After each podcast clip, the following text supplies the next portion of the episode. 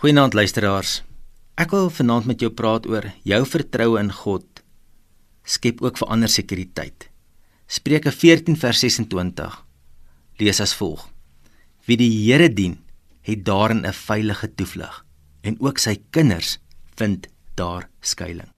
As ouers het ons hierdie groot voorreg en verantwoordelikheid om ons kinders, ja, ook ons naaste te help om hulle sekuriteit in God as Hemelse Vader te vind.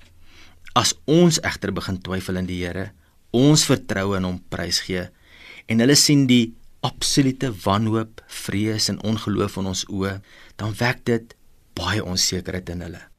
Ons beleef almal maar tye van krisisse by die werk, in ons finansies, in ons verhoudinge.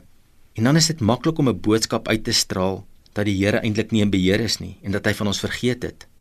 Ons wanhoop word dan ongelukkig ook oorgedra op die mense om ons. Maar Spreuke 14 vers 26 sê: Wie die Here dien, het daarin 'n veilige toevlug en ook sy kinders vind daar skuilings. En ek dink hierdie vers wil ons motiveer om selfs in ons donker tye net ons vertroue in die Here te plaas, want dit gaan afsmeer aan ons kinders. Dit gaan gerusstelling by hulle bring.